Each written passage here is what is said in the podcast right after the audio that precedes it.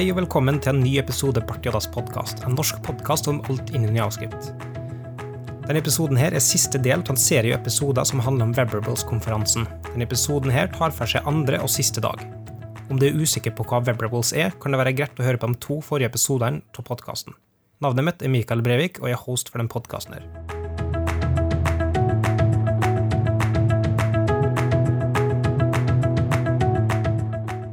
Da vi inne fra dag to, og det er, kan meldes at det er fortsatt like varmt, eh, ikke varmere. Vi har eh, nettopp sett eh, to presentasjoner om, om eh, litt Kanskje litt relatert, og sånn, første i hvert fall om, om Progressive Web Apps med Andreas Bovens og Kenneth eh, Arsenberg fra Danmark. Jeg vet ikke som uttales eh, navnet hans, men eh, snakka om DevTools for the progressive web. Um, og jeg har med meg Jonas igjen, um, som um, Egentlig vi kan forklare den første. var noe litt relatert til det vi hørte om og så litt av i går. Snakka om uh, markedet i Asia som er mye mer dominant, og i løpet av de to siste åra så er veksten der mye, mye høyere enn en, uh, resten av plassene, og viktigheten av progressive apps. Um, og muligheten du har med personal notification, service workers osv. Uh, noen ganger her så jeg vi sett litt kode fra service workers. Um, uh, ikke, ikke, nødvendigvis sånn godt inn i dybden, men bare litt oversikt over det. Hva slags inntrykk uh, satt igjen med, Jonas? Jeg syns det var en uh, veldig god demo Andreas kjørte, uh, som visste litt hvordan Opera på mobil har implementert mange av de her teknologiene som inngår i det som er blitt samlebegrepet progressive web apps. Um, det er jo litt artig at vi fortsatt har den der diskusjonen. Er det native? Er det webapps? Uh, lager man mobile websider, eller lager man apps som installeres? Uh, I den demoen så viser den i hvert fall hvordan man nå kan bruke en del webstandarder for å realisere offline-støtte, push notification, ikoner, branding av appen når den kjører på hjemme uh, på homescreen. og, og jeg syns det var gode demoer som fikk frem hva man kan få til å gjøre med det. Det som er interessant, syns de, at jeg tror ikke jeg har hørt om Det sier kanskje litt om liksom, min bereisthet, men jeg har aldri hørt om Flipkart og sånn før. Uh, tydeligvis er det massivt. Uh, det er jo en uh, indisk site, konkurrent til Amazon, for online shopping. Um, og det har vært litt sånn gjennomgående tema, det der med at det er en enorm vekst med nye brukere som kommer online. Tallene Anders brukte, var vel at det er en 200 millioner nye internettbrukere hvert år, og at med internettbrukere så mener man da i praksis mobilbrukere, altså brukere som nesten eh, sitt første møte med internett er på mobil, og det vil sannsynligvis kanskje bare være måten de bruker nettet fremover. da. Eh, så det å designe webløsninger som fungerer godt på begrensa Android-håndset, er jo viktig da hvis du skal nå ut til et bredt marked. Mm.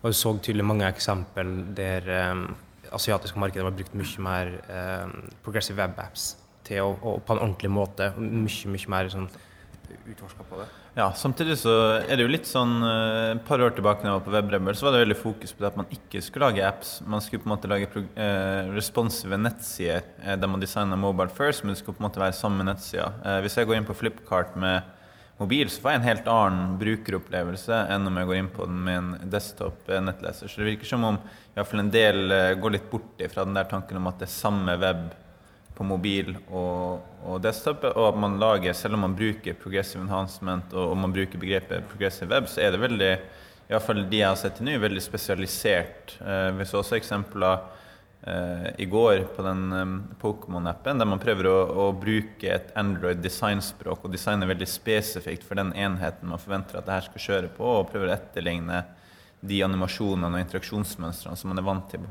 på mobil. Så det er jo på en måte en litt sånn annen vinkling enn jeg har sett tidligere år. Eh, der jeg har liksom opplevd at mye av diskusjonen har vært rundt det at eh, web og apps er forskjellige ting. Man burde designe for web, ikke prøve å etterligne apps. Men snus er det veldig mye entusiasme rundt progressive web apps. Ja, eh, altså Har du bestandig hatt fokus på det, eller sagt det i flere presentasjoner, at uh, ja, men det er progressivt og progress enhancement, så bare legg på uh, med feature interaction om, om det støtter osv. Men ja, du har et poeng. altså Du bruker mønsteret fortsatt sånn uh, mobile first, sånn at du adopterer de paradigmene som er på mobil. Så det er ikke nødvendigvis progressive enhancement hvis du ser fra det på et desktop-perspektiv. Så har vi egentlig vinkla inn, inn, for å være spesialisert på, på mange måter. Ja, og det kan godt være at det er på en måte veien fremover at man ser det. At skal du få gode brukeropplevelser, så må du designe spesifikt for mobilen. Eh, og det er også en forskjell mellom apps og informasjonssider og, og sånn. Så det, det, er i hvert fall bare interessant å se hvordan eh, den eh, debatten og de diskusjonene som har egentlig pågått siden smarttelefoner tok av på slutten av 2000-tallet, fortsatt er like relevant. Mm. Neste talk var da om DevTools for the Progressive Web. Uh, egentlig. Altså, den starta med å snakke om de samme konseptene. Så tenkte jeg oi, dette blir ganske likt uh, en, en, ny om progressive. Og så tok jeg en helt annen retning og snakka egentlig bare om DevTools, og at um, hvorfor har vi fortsatt den samme måten at Dev, DevTools er bøndla inn i alle nettlesere, der de ligger inne. Det er bare webplattformen som gjør det. Uh, gjør vi det slik pga. at vi mener at det er den beste måten, eller er det bare historie mm. som er det? Eller burde vi kanskje flytte over som debugging tools over? Så essensielt det en har gjort, det å gå tilbake til Visual Studio med Visual Studio Code, bare for debugging i, uh, ja. i, i, fra nettleseren og sånne ting. Kanskje, nei, sånn som jeg, altså Det som var litt av poenget han gjorde, da, er jo at skal du utvikle frontend-kode for La oss si da Opera, Chrome, ja. eh, Edge og Firefox er det fire forskjellige DevTools som er så å si like, men allikevel forskjellige, som du må lære deg, men alle tilbyr de samme konseptene. Eh, det andre momentet var jo at eh, man jo også bruker web. og Det var kanskje det sånn den progressive biten i talken. Altså at man bruker web også i områder hvor du ikke har en tradisjonell lettleser. Du kan få skrive frontend-kode som ikke har et GUI, service workers. Du kan skrive web-kode som kjører på helt andre enheter. Så det å da være så tett bundet til nettleseren er noe han stiller spørsmålstegn ved. Eh, og i praksis det de hadde gjort, er jo at de har lagd en plug-in til Visual Studio Code som snakker Chrome sin protokoll, eh, sånn at du kan få sette breakpoint i koden i editoren din og steppe gjennom der. Det, det de hadde gjort, var å lage adapterlag, sånn at de kunne adaptere eller ha en adapter imellom sin protokoll til Chrome-protokollen. Han hadde også en eh, protokoll opp til Safari sin, så hun ja. kunne eh, det var det de hadde gjort med, med Edge. altså at Istedenfor å lage en ny protokoll i, i, Edge, eh, så har de lagt til et adapterlag som gjør at du kan bruke da, eh, Chrome sin eh, protokoll også når du kjører koden din i Edge. Så det han stilte litt åpne spørsmål rundt, da, var om kanskje nettleserselskapene skulle også prøvd å standardisere litt på de her debugging-protokollene. Fordi konseptuelt så er jo det de samme tingene man gjør. Du skal ha breakpoints, watches, stack trace den type ting. Eh, og han, han, sa jo også at V8 i Node kommer også til å følge samme protokoll. Eh, og det vil jo da muliggjøre at man kan fokusere på å lage veldig gode utviklingsverktøy, mm. uavhengig av hvem som er leverandør, men at de fungerer på tvers fordi at man har et slags felles API i bånn. Jeg tror det ble lansert noe fire dager eh, siden der eh, det gikk ut informasjon om at, at liksom Node Inspector, eh, hackeren som har foregått blir nå uh, egentlig ikke vits, eller det blir ikke behov for dem, for de har det innebygd i V8-hooks og sånn på, på Noden, som, som, er interessant. For da får du mye bedre støtte for debugging der òg. Ja, det er liksom hele den trenden rundt det der at uh, javascript og webutvikling uh, man anerkjenner at det man egentlig driver med, er applikasjonsutvikling, og man har behov for mer robuste, gode verktøy både for å håndtere større kodebaser, debugge Eh, og teste ut koden. Eh, og da eh, er det bra å se innovasjon rundt verktøystøtte. Så det var egentlig det, mye det foredraget stilte spørsmålstegn ved dagens praksis, og kom med noen ideer til hvordan man kan gjøre det litt på sikt. Mm. Da ser jeg det neste sesjon begynner igjen, så da er vi nødt å springe.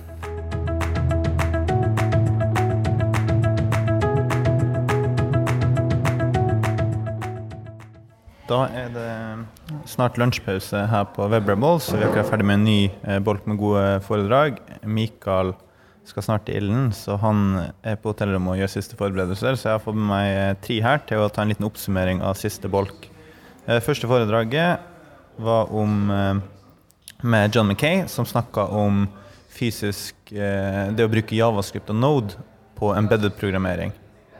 Um, og det han tok litt for seg, da, var de designvalgene uh, de i Tesla hadde måttet gjøre for å prøve å få Javascript til å kjøre på en embedded device, og litt om den historien til den startupen og noen av de tingene de lærte underveis.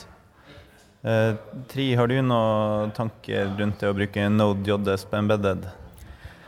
Uh, jeg syns jo det var interessant at han uh, tok for seg det at Tessel var en low energy embedded system. Og at tidligere så har man jo skrevet C og C++ til de her systemene ved at man har full kontroll over minnet før man i hele tatt kjører programmet vårt på disse tingene. Og at utfordringa var jo det å, å få node på det. Og uh, det er en veldig interessant eh, problemstilling, og de, de klarte jo det. Eh, å få Node til å kjøre Eller at du som utvikler kan skrive Node og få det til å kjøre på det brettet her, som jeg vil tro at det åpner på en måte muligheten for mange flere å lage uh, små, kule enheter og kule systemer uh, på disse små enhetene. Mm. Så det handler jo liksom litt om å kunne få produktiviteten fra Javascript også inn i embedded-programmering. Eh, det han fortalte litt om, var jo det der og eh, litt av tingene de hadde lært underveis. At eh, de hadde jo nettopp valgt å, å designe for en sånn type lavenergi-chip. Eh, I dag så er det jo sånne prototypebrett. Det er jo da enten veldig lav energi, eller så har du de her litt mer høy energi som kjører uh, en full Linux, altså type Raspberry Pi Beaglebone. Uh, og de hadde vel erfart at det var ganske store utfordringer å reimplementere Javascript og Node på en sånn uh, lettvekst embedded device, og at de i andre versjoner av designet sitt har jo da gått for en litt mer Raspberry Pi, Beaglebone, kraftigere varianter, der de kan bruke Node-implementasjonen, men fortsatt tilby MPM-pakker for å snakke med tilleggsmodulene som de lager til prototypekittet sitt. Andre foredrag, eh, Tri, kan du fortelle litt om, eh, om det?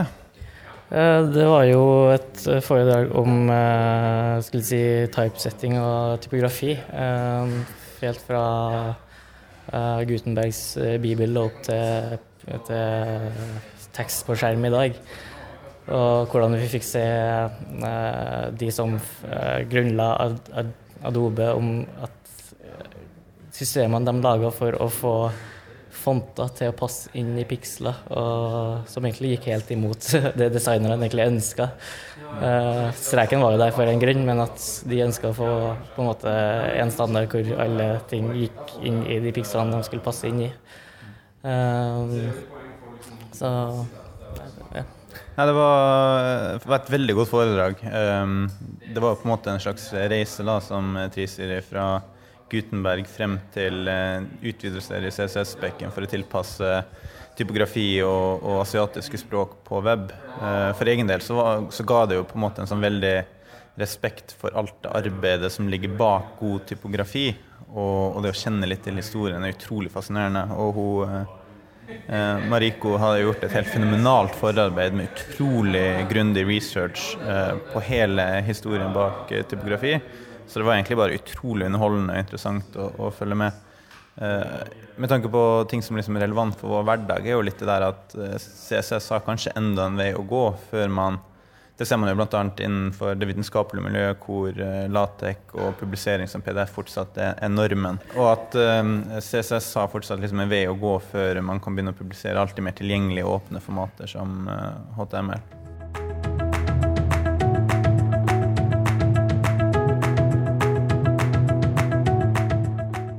Da har Barti Oddes podkast-programleder eh, Mikael Brevik endelig vært i ilden og holdt eh, foredraget sitt om 'Breaking the Fourth Wall with Javascript'. En kanskje litt sånn intetsigende tittel for de som ikke var til stede, så her må vi jo kanskje få en liten forklaring om, om hva du har snakka om i dag, Mikael. Så øh, absolutt vært i ilden. Det føltes i hvert fall sånn ut.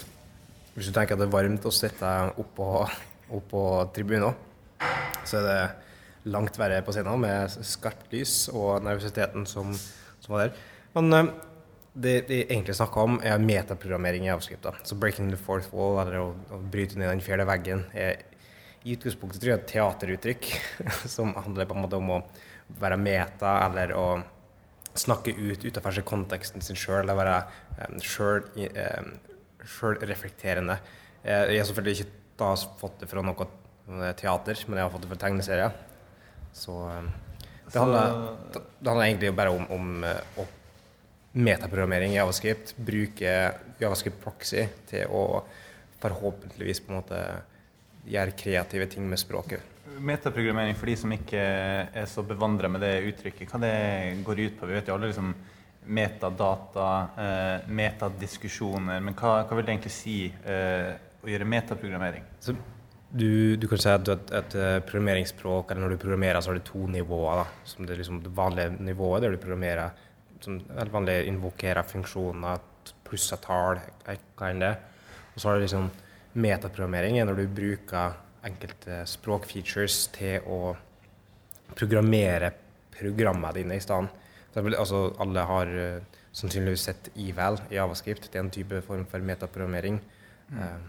Det som også viser seg, altså på en måte, som mange ikke tenker over, er at det å eh, hente ut, liste alle keyser i en, en objekt, er òg metaprogrammering. Eh, for du på en måte har eh, egenskapen til å se inn i objekter som er det som er javascript, og de er førsteklasses uh, entiteter, som gjør at de da uh, Vi kan behandle og interagere med propertiesen på en sånn som ikke særlig metaprogrammerende måte.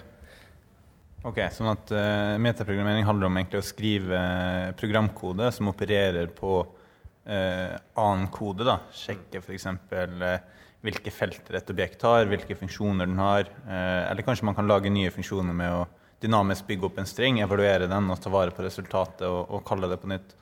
I foredraget ditt så snakka du om noe som heter proxyer. det var, var, nytt for meg. Jeg er jo ikke en har, har, hørt om ordet, men liksom ikke sett noe på det. Uh, siden jeg er jo egentlig en, en C-sharp, F-sharp-mann. Uh, så hva er, er, greia med proxy, og hvor kommer det fra? Nei, altså Proxy pattern er en vanlig pattern i mange andre programmeringsspråk òg. Og det er egentlig akkurat det samme her. Proxy det er bare en, et sånn transitivt steg på original funksjonalitet som du kan intercepte da, imellom, imellom det originale eh, invokasjonsønskelighet, og så målet eller destinasjonen.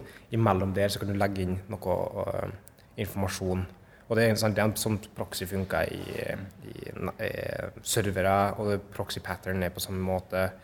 Riktig. Så de, de som har jobba med f.eks. AOP eller spekterorientert programmering i Java eller C-sharp, eh, er det et tilsvarende konsept? Altså, du kan tenke på AOP eller dekoreringa egentlig som en slags proxy-greier òg. Men proxy-objektet i Javascript, noe som har kommet i ES 2015, er da muligheten til å legge på dekoratorer, legge på AOP, eh, bruke AOP-patterns i eh, semantikken, den originale semantikken på objekter i Javascript i tillegg. Da. Sånn som du kunne bestandig ha gjort det nå med vanlige funksjoner pga. Eh, eh, liksom fleksibiliteten til språket. Men nå kan du òg legge på sånne eh, features Eh, eller sånn type oppførsel på f.eks. in-operatoren eller delete-operatoren eller get accessors og setter accessors. Og det er de to siste jeg kanskje bruker mest i, i presentasjonen til å lage mm. forskjellige ting. da. Så en ting jeg viser f.eks. er at du kan bruke konseptet om at get accessors eh, får inn strenger med destructuring i avskrift til å automatisk generere API-ene dine, mm. eh, eller automatisk generere DSL-er, og så eh, eller å bruke det til å validere i developer time, f.eks. Eh, et eksempelvis å, bruke Levenstein distance til å finne den nær, mest nærliggende API som du kanskje var ute etter hvis du ikke fantes den før. Og det er egentlig bare en sofistikert method missing-implementasjon. Sånn at Det vi får med, med å ha god proxystøtte, er jo at man enklere også kan ta i bruk uh, patterns og API-design som har kanskje vært mer vanlig i språk som Ruby, Python, der det her har vært uh, bygd inn hele tida. Uh, og det gjør jo kanskje at man kan tenke litt nytt også på API-design i Javascript. Altså um, egentlig sånn som en eh, Arne, Arne, Martin, som var her og snakka i går, um, uttrykte på en tweet uh, det jeg prøvde å komme fram til hele presentasjonen min, da, er at hvis du har function to string, regex og eval, så har du egentlig et uh, homoikonisk språk. Homonicacity, de som ikke kjenner til uh, det begrepet, kan du bare gi en liten sånn kort forklaring på det? Um, så bare en enkel forklaring, eller prøve å være en enkel forklaring, er at det på en måte kompilatoren ser, eller det du som kjører programmet, er lik syntaksen. Sånn at kode er data, og data er kode. Riktig. og Det, det muliggjør enklere transformering og, ja. og metaprogrammering. Ja, for da, Du kan bruke da funksjoner eller bruke objekter som førsteklasseidentiteter, og du endrer på det. Så det klassiske eksempelet er Lisp eller Closure, der alt, f.eks. operatorer, alt er, er faktisk data i tillegg. Så du kan traversere koden som du allerede har skrevet, og behandle den, endre på den, og så invokere den på nytt. Riktig. Eh, etter at eh, du var ferdig med din bit, eh, Mikael, så var du vel sikkert så letta at du kanskje ikke fikk med deg så mye av neste foredrag, som var Jameson Dance, som snakka om Elm can make you a better JavaScript developer. Det er jo et tema som jeg syns er veldig spennende, da, med, som en F-sharp-entusiast og som er glad i å programmere i statisk type funksjonelle språk. Eh, Så det er en veldig sånn fin intro for de som er litt sånn nysgjerrig på hva Elm er, og, og hva det kan hjelpe deg med i Javascript. Eh, Fikk du med deg noe av, av det foredraget, eller var du helt helt i koma? Nei da, jeg fikk med. Og så er jeg blitt overraska hvis vi har gått gjennom Webrables nå uten å ha en Elm-foredrag. Ja, så Elm er liksom begynner å få litt eh, moment. Jeg har fått ordentlig traction i det siste, og, og det er ganske eh, naturlig, tror jeg, at det er her nå. Uh, og jeg ser for meg godt at du òg liker det, noe basert på ML, som, som F-sharp, standard ML. Bare at uh, det er mer, eh, mer nærliggende Haskell, det er implementert i Haskell osv. Men egentlig så bare nevnte han ikke så mye språk, eh, eh, språkintroduksjon, og det følte jeg var positivt. Han endte heller å snakke om eh, hva slags fordeler det kan gi det. da. Og, og ikke, ikke nødvendigvis bare ah, her er syntaksen, sånn er den og sånn er Ja. Så, så liksom primært ting som hva du faktisk får ut av statisk analyse, eller en, en idiomatisk måte å bygge opp grensesnittet på. For at sånn som i Javascript-verden så har du alle slags mulige valg til å gjøre akkurat hva du vil. Eh, du må være litt sånn fronten-rammeverk osv. Men i Elm sa alt i språket, i core-språket. Du Ja. Du kan kun bruke det i web. Riktig. Sånn at de liksom har tatt en del valg eh, for deg da, som eh, de mener er gode praksiser som hjelper deg litt på vei. Og så snakka han litt om de fordelene du får med å kunne gjøre en del garantier om koden din. Altså du er ikke null, du vil ikke få typefeil, eh, runtime. eh, Du kan eh, Du har innebygd immutability. En del sånne ting som er ofte ansett som gode egenskaper, men som man i plain javascript må bruke biblioteker og konvensjoner, lintere, for å holde seg til, mens du her får det på en måte helt ned i kompilatoren. Da. Du får ikke bygd koden din hvis du ikke følger de Nei, altså Det er litt interessant at de først snakker liksom om metaprogrammering og dynamiske typer språkegenskaper, sånn som i Lisp-implementasjoner og Closure og sånne ting. Og så kommer du etterpå liksom om ML, der alt er statisk og ting ikke er homoikonisk på noen måte. Eh, Så eh, det er noe på en måte Du får den fordelen som det gjør. Eh, Og så ga han en liste over liksom, ulemper med det òg. En ganske sånn vennlig liste som, som var laga av en som allerede farga at den liker Ja. eh, Men jeg syns likevel den var fair. Da. Så det, det han Ja. prøvde å dra frem, var jo liksom litt designvalg. For det er det det handler om, at nesten alle språk og rammeverk gjør noen designvalg, og da velger man gjerne bort andre ting. Mm. Altså Istedenfor å legge opp til at du skal ha hundrevis av pakker, og gjennom evolusjon så blir det de beste som gjelder. Så det her er kanskje fokus på et mindre, mer opinionated, eh, tydeligere sett. Og det er altså, ja, det er helt tydelig han, han eh, som laga Elmo. Eh, har lest litt rundt liksom doktorpapiret hans. For det, det, jeg tror Elmo i utgangspunktet var liksom doktoravhandlinga hans. Og utrolig mye ekstremt smart type, liksom. Og, og mange, mange gode paradigmer å bygge på. Så Ja. det er interessant.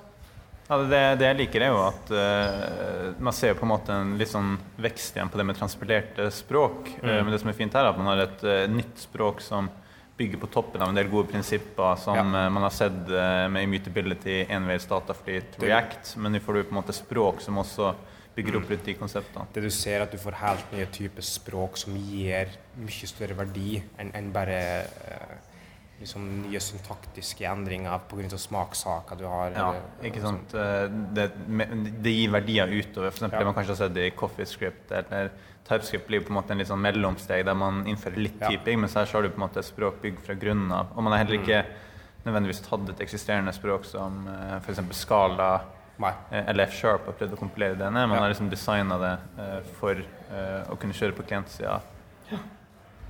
Jepp. Men uh, da er det vel ikke så lenge til vi skal inn igjen for uh, siste bolk med innhold før uh, WebRebels er over.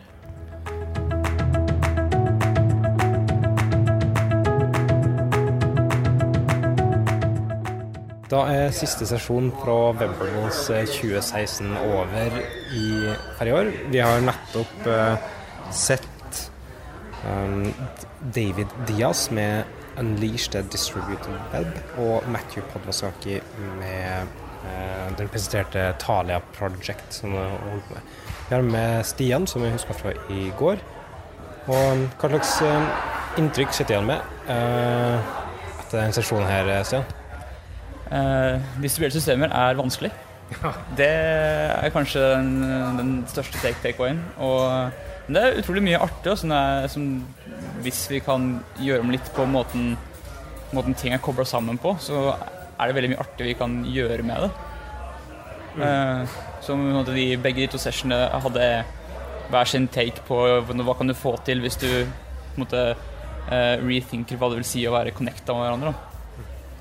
Ja, så, så, den første talken handla mer om liksom, på, på, et protokollnivå, der du eh, i stedet for å gå via HTTP på, den måten, så kan du koble til forskjellige noder på nettverket, noen som er nærme deg, noen som er langt unna deg, osv. Basert på hash-oppslag og sånn, noe i, sånn gjennomgang til hvordan, hvordan det funker.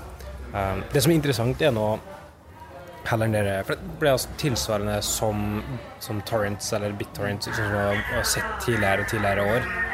Um, med at du snur hele den der til flere noder, til tregere blir det på hodet. Og for til flere noder det, så blir det raskere, for det kan være noe som er nærmere det. Uh, de kan se det på dataen og, og så videre. Så du på en måte snur svakheten til internett om til styrke og til internett. Um, og, så det er ganske interessant. Ja, er veldig. Og Spesielt det, at du forandrer hva det vil si å, å adressere content. For nå, Før så er det vel knytta eh, adressen til eh, innhold med den fysiske lokasjonen. Nå kan vi si at vi adressere innhold uten å tenke på hvor det innholdet skal befinne seg i den fysiske verden. På en måte kan du måte, hente samme innholdet fra mange ulike peers uten å måtte tenke på liksom, nøyaktig hvilken peer du skal koble deg til. Det, det, er jo litt det samme som gjorde at uh, BitTorrent vant Eh, kampen mot f.eks. multicast. Da.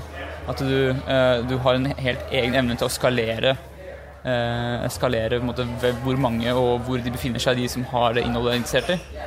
Istedenfor å hele tida satse på at det er som du vet nøyaktig det stedet det innholdet er. Så kan du bare spre en sånn slags call for innhold og, bare få det fra de som er, befinner seg nærmest deg. Da. Det er utrolig fascinerende.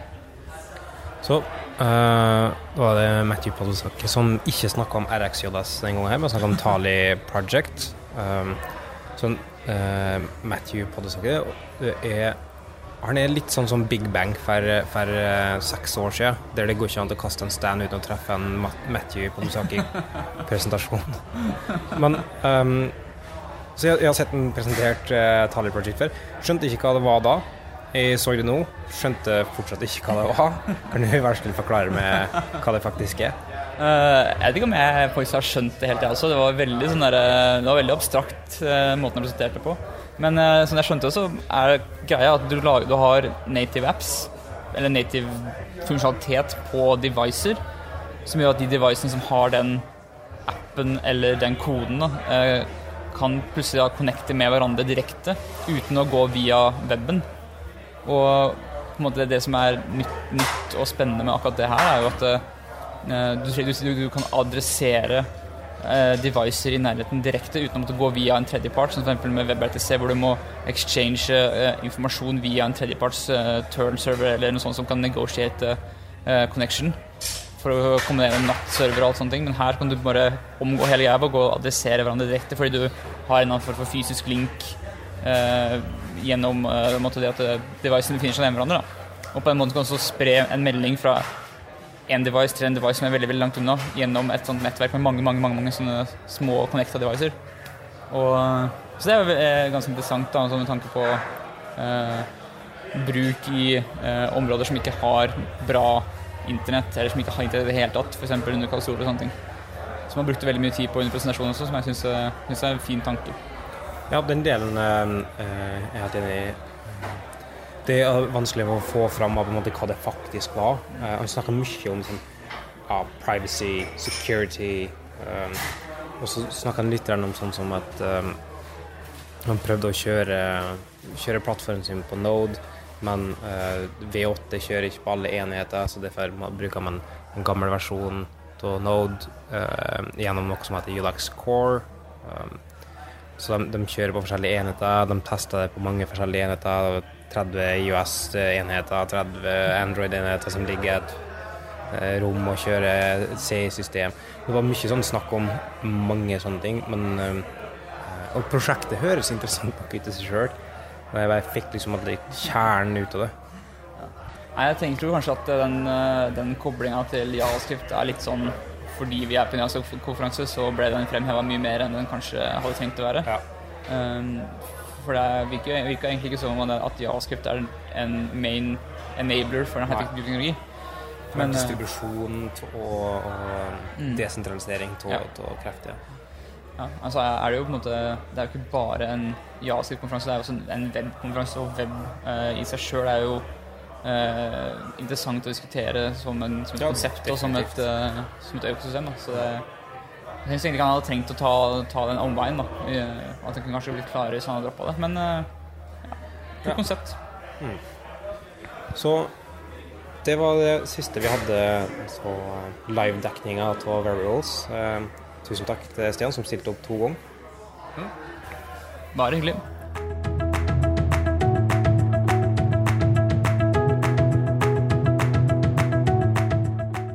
Du syns dag to høres interessant ut, vil det ligge en lenke til opptaket av livestreamen fra konferansen i episodedetaljen. Som alltid, om det er noen kommentarer eller spørsmål til denne podkasten kan du tweete direkte til at underscore Bartjodas, eller til meg personlig på at Mikael Breivik. Takk for at du hørte på, så høres vi igjen neste episode.